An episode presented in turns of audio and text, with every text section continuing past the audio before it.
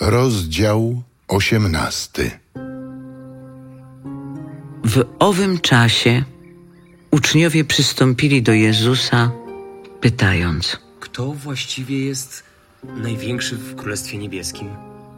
On przywołał dziecko, postawił je przed nimi i rzekł: Zaprawdę powiadam wam, jeśli się nie odmienicie i nie staniecie jak dzieci, nie wejdziecie do Królestwa Niebieskiego. Kto się więc uniży jak to dziecko, ten jest największy w Królestwie Niebieskim. A kto by jedno takie dziecko przyjął w imię moje, mnie przyjmuje. Lecz kto by się stał powodem grzechu dla jednego z tych małych, którzy wierzą we mnie, temu byłoby lepiej kamień młyński zawiesić u szyi i utopić go w głębi morza. Biada światu z powodu zgorszeń. Muszą wprawdzie przyjść zgorszenia, lecz biada człowiekowi, przez którego dokonuje się zgorszenie. Otóż jeśli twoja ręka lub noga jest dla ciebie powodem grzechu, odetnij ją i odrzuć od siebie.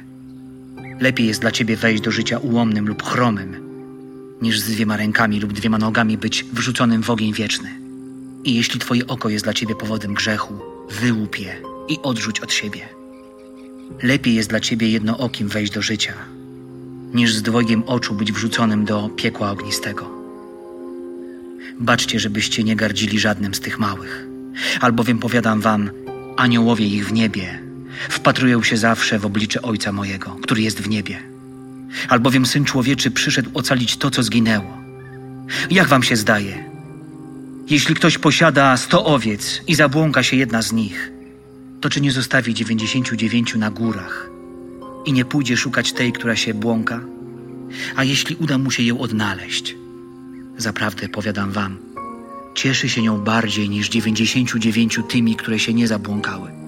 Tak też nie jest wolą Ojca Waszego, który jest w niebie, żeby zginęło nawet jedno z tych małych. Gdy brat twój zgrzeszy przeciw tobie, idź i upomnij go w cztery oczy. Jeśli cię usłucha, pozyskasz swego brata. Jeśli zaś nie usłucha, weź z sobą jeszcze jednego albo dwóch, żeby na słowie dwóch albo trzech świadków oparła się cała sprawa. Jeśli i tych nie usłucha, donieś kościołowi. A jeśli nawet kościoła nie usłucha, niech ci będzie jak poganin i celnik. Zaprawdę powiadam wam, wszystko cokolwiek zwiążecie na ziemi, będzie związane w niebie, a co rozwiążecie na ziemi, będzie rozwiązane w niebie.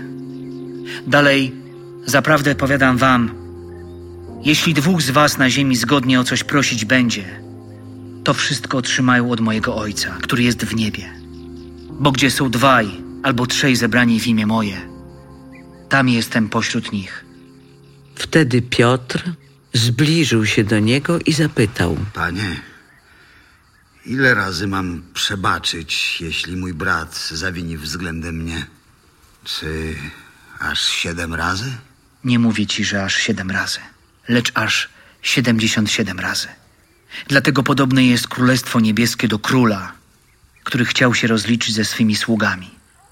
Gdy zaczął się rozliczać, przyprowadzono mu jednego, który był mu winien dziesięć tysięcy talentów. Ponieważ nie miał z czego ich oddać, pan kazał sprzedać go razem z żoną, dziećmi i całym jego mieniem, aby dług w ten sposób odzyskać. Wtedy sługa padł mu do stóp i prosił go, panie, okaż mi cierpliwość, a wszystko ci oddam. Pan ulitował się nad owym sługą, uwolnił go i dług mu darował. Lecz gdy sługa ów wyszedł, spotkał jednego ze współsług, który mu był winien sto denarów. Chwycił go i zaczął dusić, mówiąc: Oddaj coś winien. Jego współsługa padł przed nim i prosił go: Okaż mi cierpliwość, a oddam tobie. On jednak nie chciał, lecz poszedł i wtrącił go do więzienia, dopóki nie odda długu. Współsłudzy jego, widząc, co się działo, bardzo się zasmucili. Poszli i opowiedzieli swemu panu wszystko, co zaszło. Wtedy pan jego, wezwawszy go, rzekł mu: Sługo niegodziwy, darowałem ci cały ten dług, ponieważ mnie prosiłeś. Czyż więc i ty nie powinieneś był ulitować się nad swoim współsługą, jak ja ulitowałem się nad tobą? I uniósłszy się gniewem, pan jego kazał wydać go katom, dopóki mu nie odda całego długu.